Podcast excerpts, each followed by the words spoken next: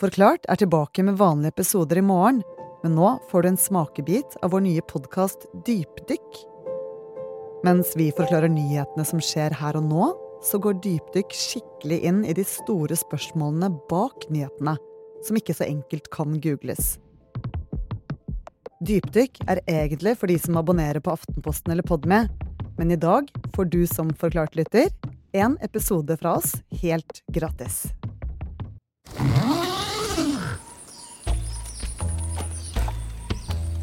Se for at du, du er ute og går i, jungelen i Kongo, så kommer det 15 hylende sjimpanser og drar deg opp i toppen av et tre hvor du sitter på en liten vagle, og så får du deg forelagt et eller annet sånt litt innfløkt problem som har med nøtter å gjøre. Hvor godt hadde du gjort det på den testen?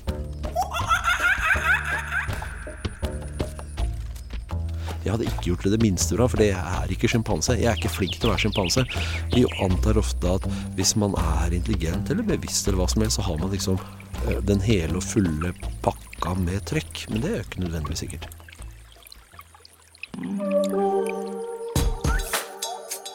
Bevissthet er ikke noe vi gjør, det er noe vi er. Så det er en sånn kategorisk forskjell her. Og noen tror at det trenger et såkalt paradigmeskifte i vitenskapen. At man må se ting fra en helt ny synsvinkel. Noen tror at dette har konsekvenser ikke bare for hjerne og bevissthet, men også for hvordan vi ser på hele naturen. Og Derfor tror jeg heller ikke vi kommer til å klare å, å skjønne at vi ser det når vi snubler over det. Fordi vi kun har den hverdagslige, menneskelig sentriske definisjonen av det.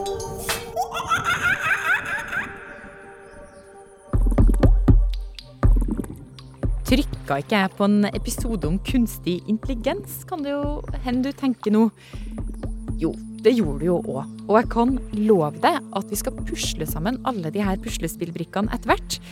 For spørsmålet vi har stilt oss denne gangen, er det KI-avhopper etter KI-avhopper advarer mot at kunstig intelligens snart blir smartere enn oss, og kanskje til og med bevisst. Så kan det være de har rett? Er kunstig intelligens i ferd med å bli bevisst som andre levende vesen? Og vil vi i det hele tatt klare å skjønne det om det skjer?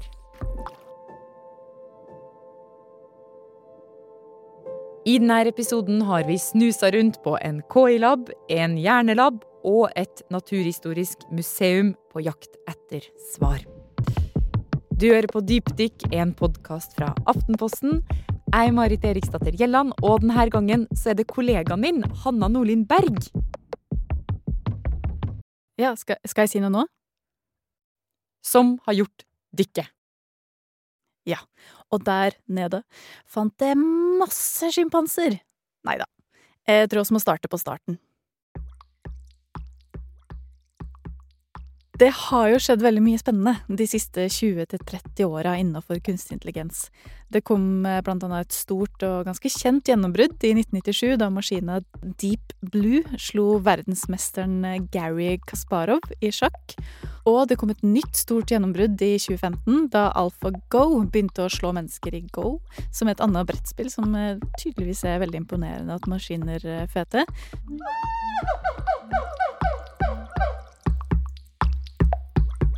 Og så kom året 2022, ikke sant, da alt bare virkelig eksploderte. Hva i helvete er det som skjer nå, og altså, hva er egentlig kunstig intelligens?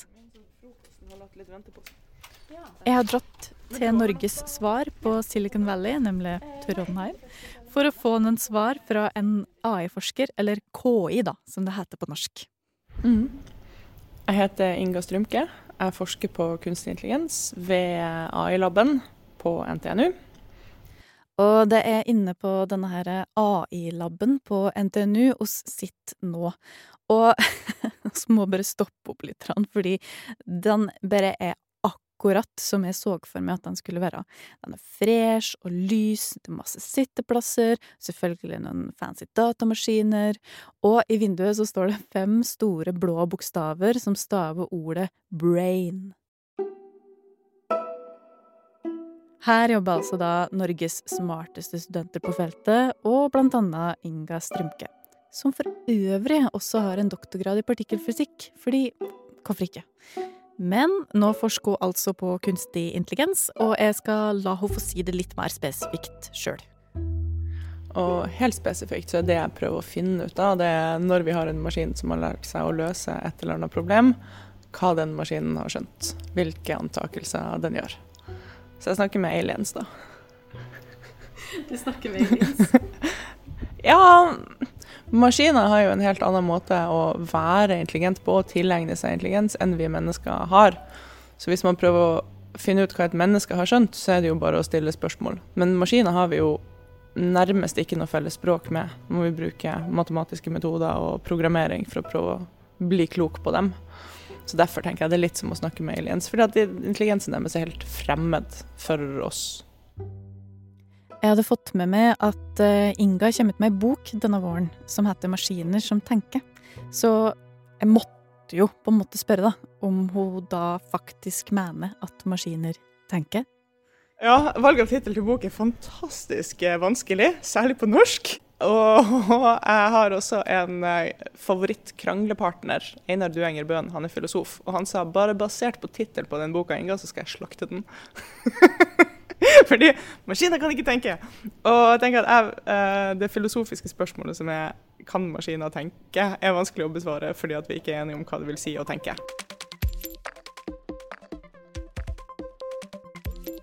Men jeg tenker jo da at uh, når du prosesserer informasjon og tar intelligente beslutninger, da er vi farlig nær tenking. OK, er farlig nær tenking. Og det er kanskje en grei definisjon på kunstig intelligens? Eller? Hvor ligger det egentlig i det her begrepet?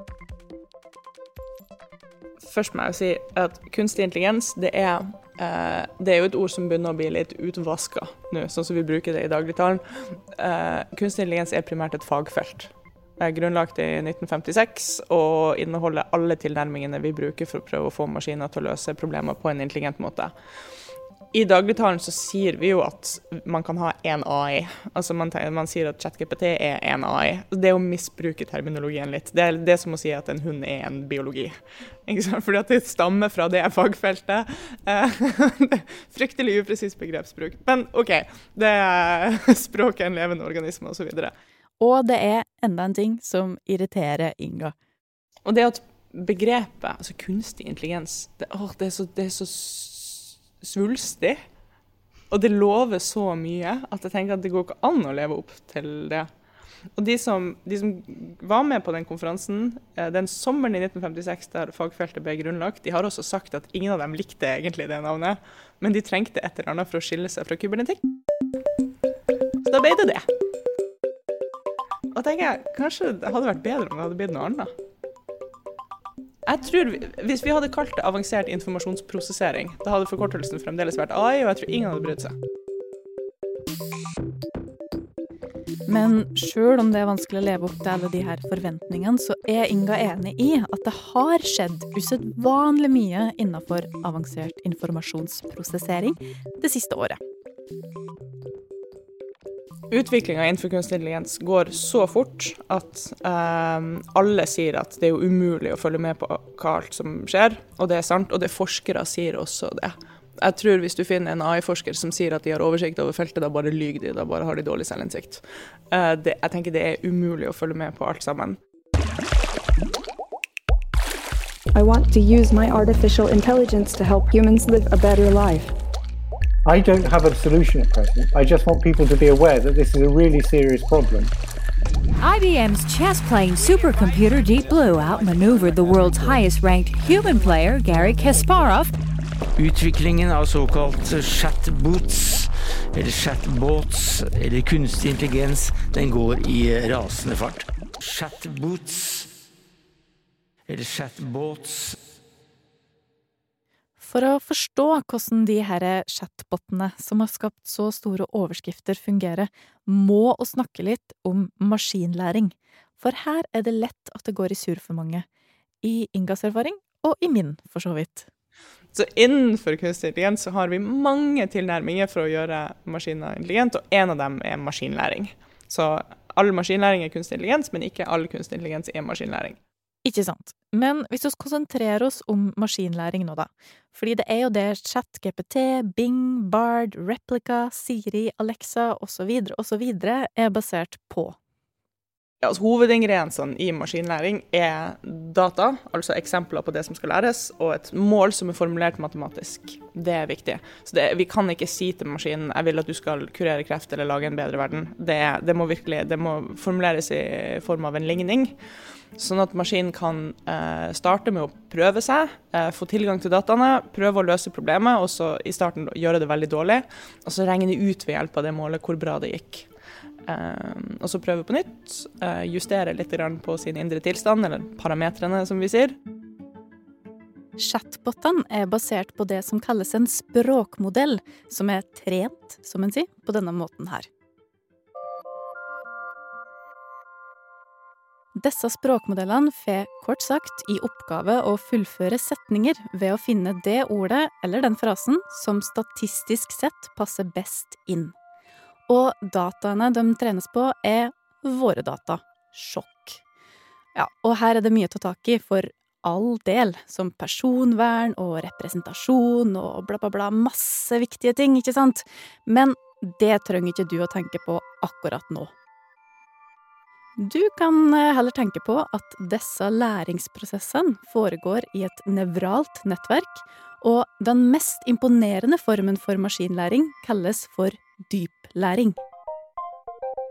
Jeg må kanskje forklare hva et nevralt nettverk er for noe, da, for at det her skal gi mening? Ja, gjerne. Det høres veldig sånn hjernete ut. Ja. Nevrale nettverk er inspirert av hjernen. Altså Opprinnelig så var målet å lage en kunstig hjerne. Og vi vet at uh, hjernen består av uh, små noder. Ja, vet oss egentlig det? Altså, oss har sikkert alle lært det i naturfagstimen, men jeg måtte i hvert fall sjekke Store norske leksikon. Og en node er altså et punkt i en elektrisk krets, der to eller flere kretselementer kobles sammen. Sjølve ordet betyr knute eller knutepunkt. Så oss vet altså at hjernen består av Små noder som sender informasjon til hverandre, eh, og at de har forbindelser eh, mellom seg som de, eh, som, som de kan aktivere. Altså det er måten de sender informasjon imellom seg på. Så når vi lager kunstige nevrale nettverk, da har vi små informasjonsenheter som kan ta imot informasjon, og så kan de gjøre en liten operasjon på informasjon, og så kan de sende informasjon videre.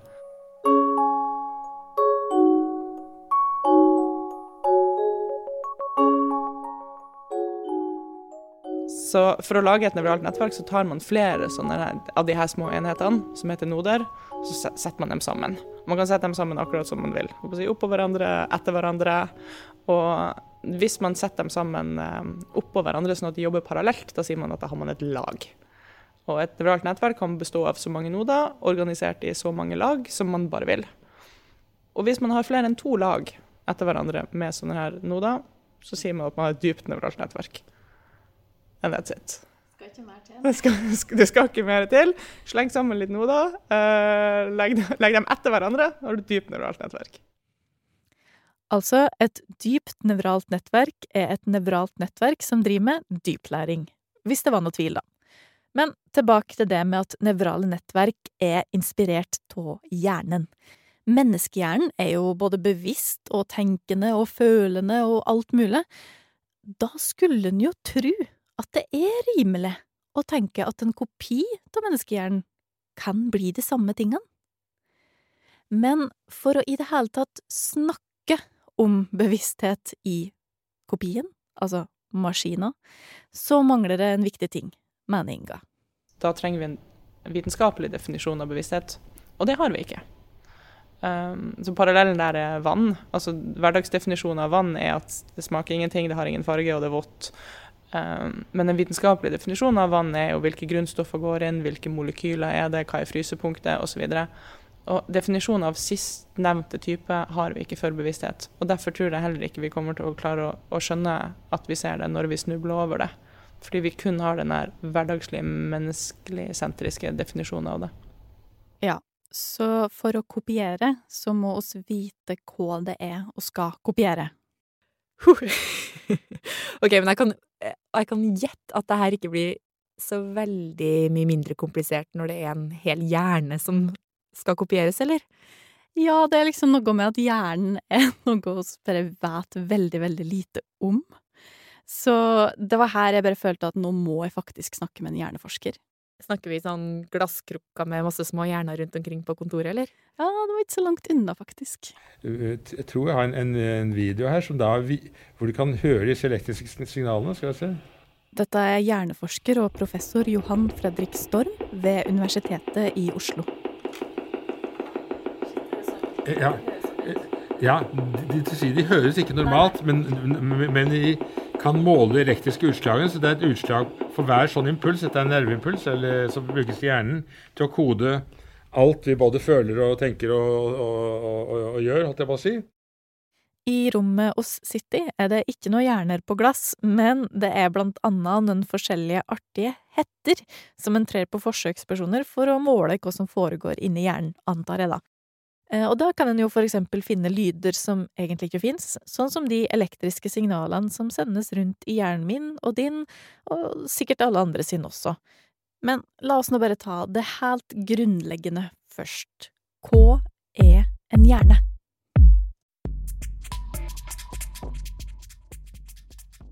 Ja, eh, det er jo da en eh, Det er en stor klump med celler, sånn som eh, resten av kroppen så også celler. Lever og nyrer og alt mulig av celler, ikke sant. Men disse cellene er høyt spesialiserte til å prosessere informasjon. Hjernen er en fysisk klump. Det var kanskje ikke så overraskende, men bevissthet Da blir det verre. Johan Storm har forska på hjernen og bevissthet siden 1980, så når han sier at det er komplekst, da er det komplekst.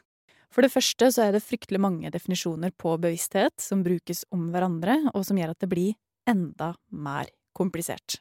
Og i, dagliglivet så har vi mange veldig forskjellige begreper, politisk bevissthet og selvbevissthet og sånt noe, men det, det er ikke det vi snakker om, så klart. Nei, så klart.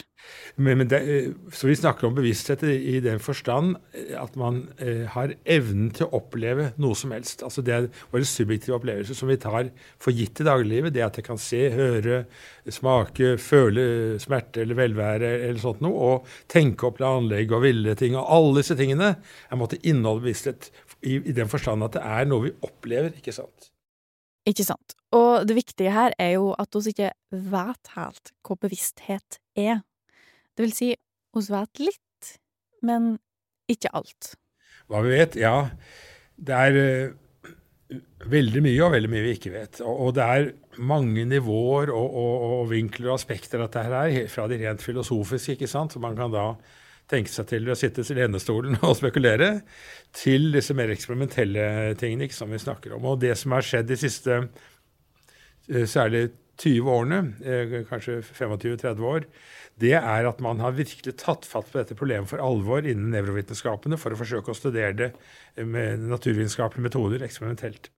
Og det er fortsatt mye som kan være litt kontroversielt med det å forske på bevissthet. Ja, det er mange kontroverser fordi at man har ikke kommet så langt at man har klart å bli enige om et felles sånt paradigme. da. Og noen trenger, tror at det trenger et såkalt paradigmeskifte i vitenskapen. At man må se ting fra en helt ny synsvinkel. Noen tror at dette har konsekvenser ikke bare for hjerne og bevissthet, men også for hvordan vi ser på hele naturen. Altså, vent litt. Det er såpass, ja. Det trengs kanskje rett og slett et paradigmeskifte på lik linje med da Darwin fant ut av det med evolusjonen, eller Einstein fant ut av det med relativitetsteorien, eller alt det som Copernicus og Galileo Galilei drev på med. Altså, bevissthet er sannsynligvis et så stort mysterium. Ja, og det er kanskje en av de siste store, kanskje, fordi at eh, Og det er ikke tilfeldig, men det har nok å gjøre med at hjernen er jo det mest noe av det eller det mest komplekse man vet om i universet. ikke sant? Så det, man har mange gode metoder og mye grunnlag da, før man kan ta fatt på dette. Det er altså vanskelig å si om det er noe inni denne fysiske klumpen som er umulig for en maskin å kopiere. Det er um, gjerne også kjemiske prosesser, ikke bare fysikk, men også mye kjemi, da, som har uh, en del andre egenskaper enn det man ja. det er, Fysikk Nei, kjemi er i bunn og grunn fysikk, men, eh, men det har likevel noen særegenheter da, på det nivået som da er vanskelig å gjenskape i, i digitale datamaskiner naturen i evolusjonen bryr seg ikke om det er vanskelig å forstå. Det er bare at Så lenge det virker, det er prøving og feiling, og når noe virker, så går det videre med det. ikke sant? Og da kan det være så intrikat det bare vil i, i blaffene. det bare, eh, Så det er en veldig styrke da, i forhold til ting som er laget av ingeniører. Selv om ingeniører er veldig smarte og kan masse matematikk og sånt, så er det eh, begrensninger i forestillingsevnen. da. Så da har altså to forskere konkludert med at de ikke tror på bevisste maskiner enda. Men hva kan da være grunnen til at i hvert fall visse folk da, fra KI-miljøet går ut og advarer om at det kanskje er i ferd med å skje? Kan det rett og slett være den eldgamle øvelsen besjeling de driver med? For besjeling finnes jo overalt i kulturen vår. Altså, bare se for deg R2D2, 3PO Eller kanskje Samantha i Her? Theodore, there's some things I want to tell you. Eller HAL 9000. This mission is too important for me to allow you to jeopardize it. Og det å tillegge menneskelige egenskaper til slike fantasifigurer, eller dyr, eller gjenstander, for eksempel, har selvfølgelig også et enda mer fancy navn, nemlig antropomorfisme. Og Inga hadde et ganske bra historisk eksempel på antropomorfisme. Altså, jeg tenker I Norge så kan vi føle litt ekstra på at vi fant opp troll. Ste steiner. Steiner som går rundt.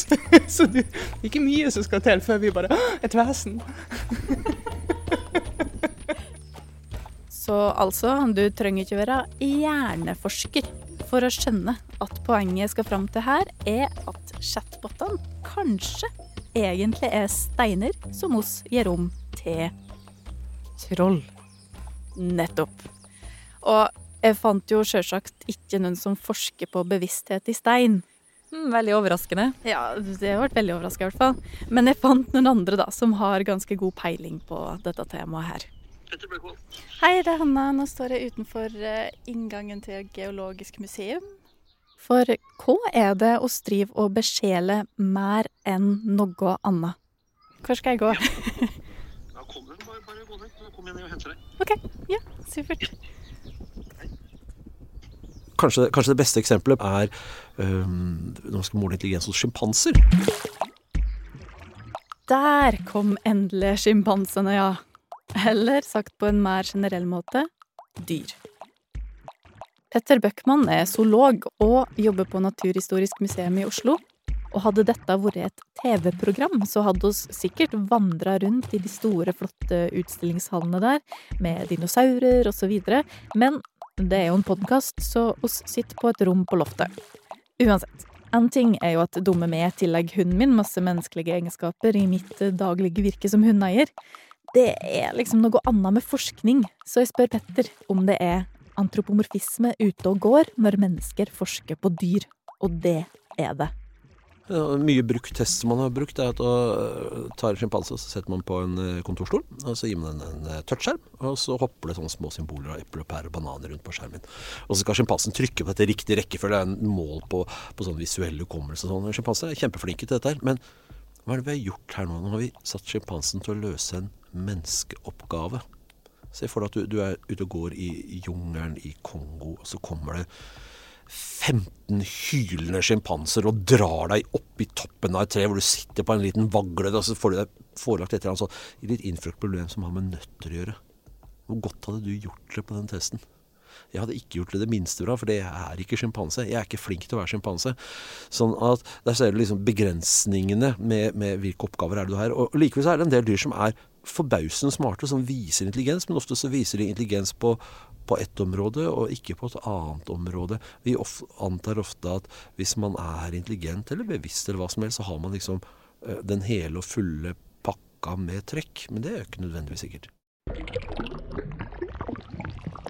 Poenget er altså at oss mennesker har hodet så langt inn i vår egen navle at det er vanskelig for oss å fullt ut måle hva intelligente dyr er, og ikke minst å forstå bevisstheten deres.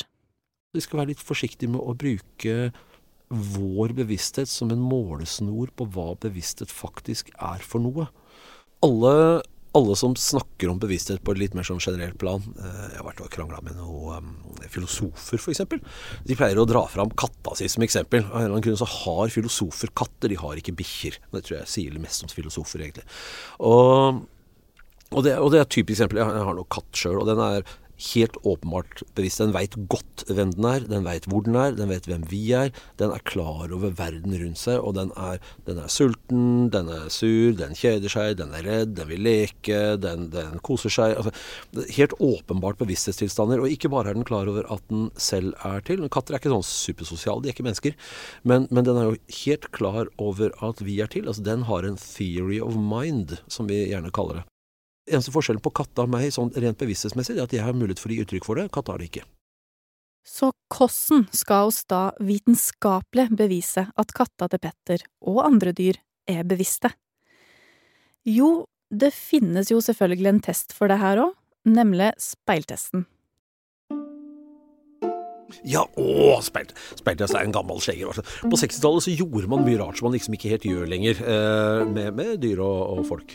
Og en av de tingene man foretok seg, det var for å sjekke er, er dyr bevisste. Og da tok man dyret, og så, og så klappa det litt og sånn, og mens de ikke merka det, så malte man en liten flekk i panna på det med blått jern, tror jeg det var. Ofte brukt i speiltesten.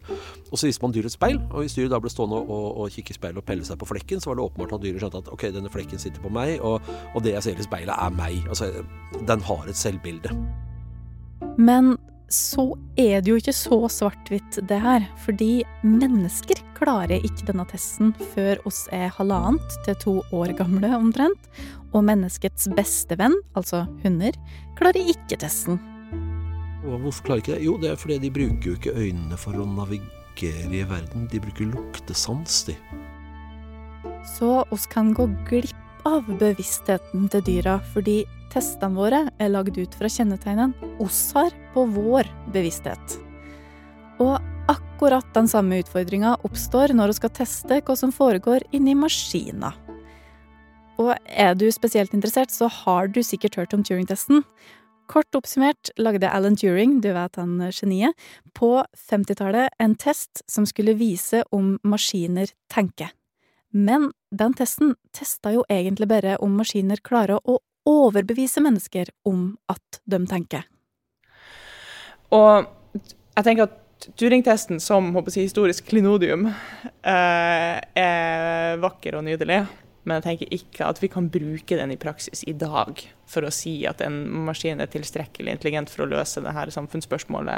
eller hva vil du? Den er, er altfor menneskesentrisk. Og jeg tenker at den ikke vil fungere fordi at maskiner har helt andre evner og svakheter enn vi mennesker har.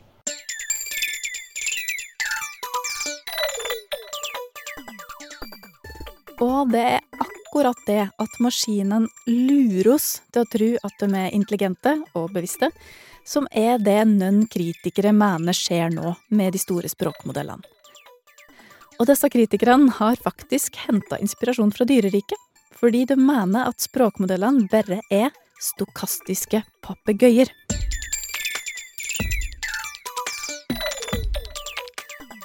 Ja, kritikken er språkmodeller eh, sier tilfeldige setninger, forstår dem ikke, men de gjør det på en veldig overbevisende måte. Vi lar oss overbevise, og vi lager større og større modeller, selv om det kanskje er en total blindvei, hvis vi har lyst til å lage modeller som faktisk forstår språk og meningsinnholdet i språk.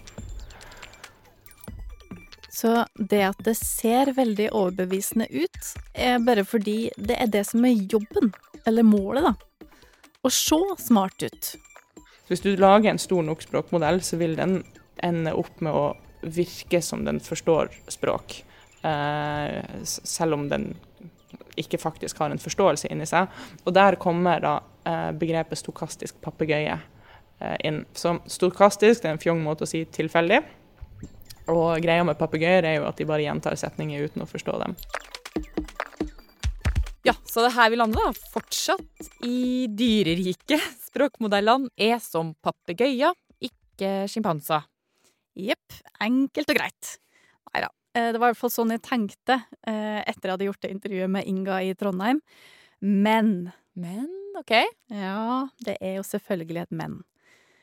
Fordi etter dette intervjuet så kom det en rapport fra noen forskere som har testa det aller, aller siste innafor eh, språkmodeller, altså GPT4. Hei, du Inga. Inga, som for øvrig nå har solgt ut hele førsteopplaget til boka si, har selvfølgelig fått med seg denne rapporten. Ja, det det du snakker om nå, det er den der Sparks of AGI-greia? Ja, Sparks of Artificial General Intelligence, altså glimt av kunstig generell intelligens på norsk. Det er nemlig det denne rapporten om GPT4 heter. Og det er ganske spesielt, fordi kunstig generell intelligens, det er på en måte navnet på et foreløpig tenkt scenario der ei maskin kan gjøre alle oppgaver like godt som et menneske. Og det er altså glimt av nettopp det her, generell intelligens, som forskerne mener at de har sett i GPT4. Altså, I det øyeblikket vi klarer å lage en datamaskin som har generell intelligens, så er liksom AI som fagfelt løs. Så hvis vi kan si at GPT har liksom antegn, spark, en tidlig indikasjon på generell intelligens, så tyder det på at vi er i ferd med å løse liksom, det store problemet innenfor kunstig intelligens. Men stemmer det, da? Du, kan jo, du trenger ikke å stole på dem, du kan bare gå og lese artikkelen. Ja, så på artikkelen side 22 da, så ber de GPT4 om å bevise at det finnes uendelig mange primtall å skrive det som et Shakespeare-stykke. Det krever et vidt spekter av intelligente evner. Det er veldig imponerende, og det fikk den til. Men hvis GPT4 begynner å liksom forstå, betyr det òg at vi er nærmere bevissthet? Nei, bevissthet og intelligens er ikke det samme. Nei, ikke sant. Og det er jo kanskje så enkelt, men likevel så føles det faktisk ut som det er et helt fagfelt som mangler for å virkelig forstå alle komponentene i denne suppa her. For hva var det Inga sa igjen? Jeg har også en eh, favoritt-kranglepartner, Einar Duenger Bøhn. Han er filosof. mm, og hva var det Petter sa? Jeg har vært og krangla med noen um, filosofer, for eksempel. De pleier å dra fram katta si som eksempel. Ikke sant. Jeg tror bare Ja. Jeg heter Einar Duenger Bøhn, professor i filosofi på Universitetet i Agder. Jeg har nå også blitt professor to ved Høgskolen Kristiania i Oslo. Og han sa bare basert på tittelen på den boka, Inga, så skal jeg slakte den. Fordi maskiner kan ikke tenke. Nei, jeg sa ikke det. Jeg sa jeg håper den tittelen ikke stemmer med innholdet. Jeg håper ikke innhold, det tittelen sier er det innholdet forsvarer, for da må jeg anmelde den. Da må jeg skrive en anmeldelse av den boka her, sa jeg. Einar er altså, som en filosof bør være, opptatt av å tenke. Og grunnen til at han er med i denne episoden her, er jo selvfølgelig at jeg ble ganske nysgjerrig på hvem denne kranglefanten var. Men enda viktigere er jo hva han faktisk tenker om bevissthet i maskiner. Altså, det er som å tro på magi. Det er som å tro på jule- julenissen, det. Altså, det er sånn, ja ja, det kan godt hende det, liksom, men det er ingen grunn til å tro det. Foreløpig, i hvert fall. Fordi algoritmer og sånn som datamaskinen funker i dag, er jo atferdsbasert. Altså, det er imitasjon, det er funksjonelle ting du setter i gang. Men det er ingen grunn til å tro at det, bare fordi du øker fart og spenning, holdt jeg på å si, fart og, og, og kvaliteten på disse dataene, så plutselig får Siri en opplevelse av hvordan det er å være. Det er jo helt absurd å tenke at det hoppet skal plutselig skje. Ja, og det hoppet som Einar siktet til her nå, det er kanskje det som kalles for fremvoksende egenskaper i maskinens verden. Det betyr at en maskin eller program da har utvikla eh, noen slags egenskaper som ingen har programmert inn. Det er liksom ingen som har planlagt eller eh, gjort noe for at det her skal skje, det bare skjer. Og det er ganske mystisk. Men likevel, da, så gir det ikke så veldig mye mening for filosofen at bevissthet bare skal vokse fram på en sånn måte i store språkmodeller. Det er bare tull. Men det kan jo være i fremtiden at man får nye metoder. at man finner noen nye måter å lage kunstig intelligens på. At det ikke er digitale datamaskiner basert på algoritmer lenger. Eh, som gjør at kunstig bevissthet Det kan vi klare å skape bevissthet på kunstige måter, da. Jeg sier ikke at det i seg selv er umulig.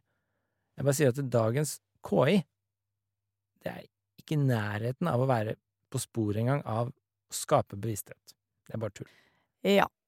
Kanskje har hun sett for mye science fiction, og så fort en av de her språkmodellene drar en vits, så bare antropomorfiserer oss oss inn i en KI-dystopi der menneskene er slaver av maskinene, altså singulariteten, hvis du har venta på det begrepet.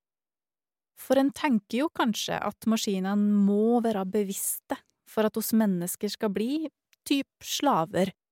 Men Ingen kan slå av internettet. kanskje det allerede er sånn? Hvis jeg slår internett, så har du på ditt. Og slår vi alle, så har naboen.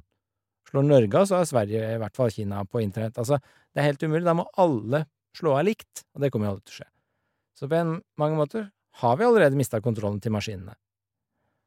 Så det bekymrer meg mer, at vi mister litt den der selvstendig tenkeevnen og selvstendig avgjørelsesevnen, og så bare delegerer vi ansvaret over på systemer som ingen tar ansvar for. Da forvitrer alt sånn ansvar, og da blir vi bare dummere og dummere. Og det er litt sånn antihumanistisk, antiopplysningstrend som jeg skremmer meg litt. For opplysning og humanisme var en god ting. Det var bra når det skjedde.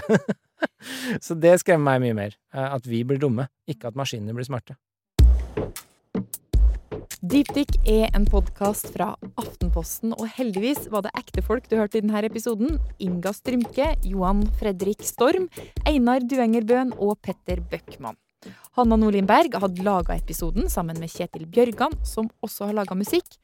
Og jeg heter Marit Eriksdatter Gjelland. Karoline Fossland er prosjektleder, og ansvarlig redaktør i Aftenposten er Trine Eilertsen. På grunn av 17. mai kommer ikke neste episode før om to uker, men da skal vi inn i noe veldig spennende, nemlig den her fysiske klumpen vi snakka om i denne episoden, hjernen, og undersøke hvorfor noen helt frivillig pakker sekken, vinker ha det og reiser til Ukraina for å kjempe i krig. Og hvis du har noen tilbakemeldinger til oss, eller om du vil at vi skal undersøke noe for deg, send oss en mail til dypdykk krøllalfa aftenposten.no.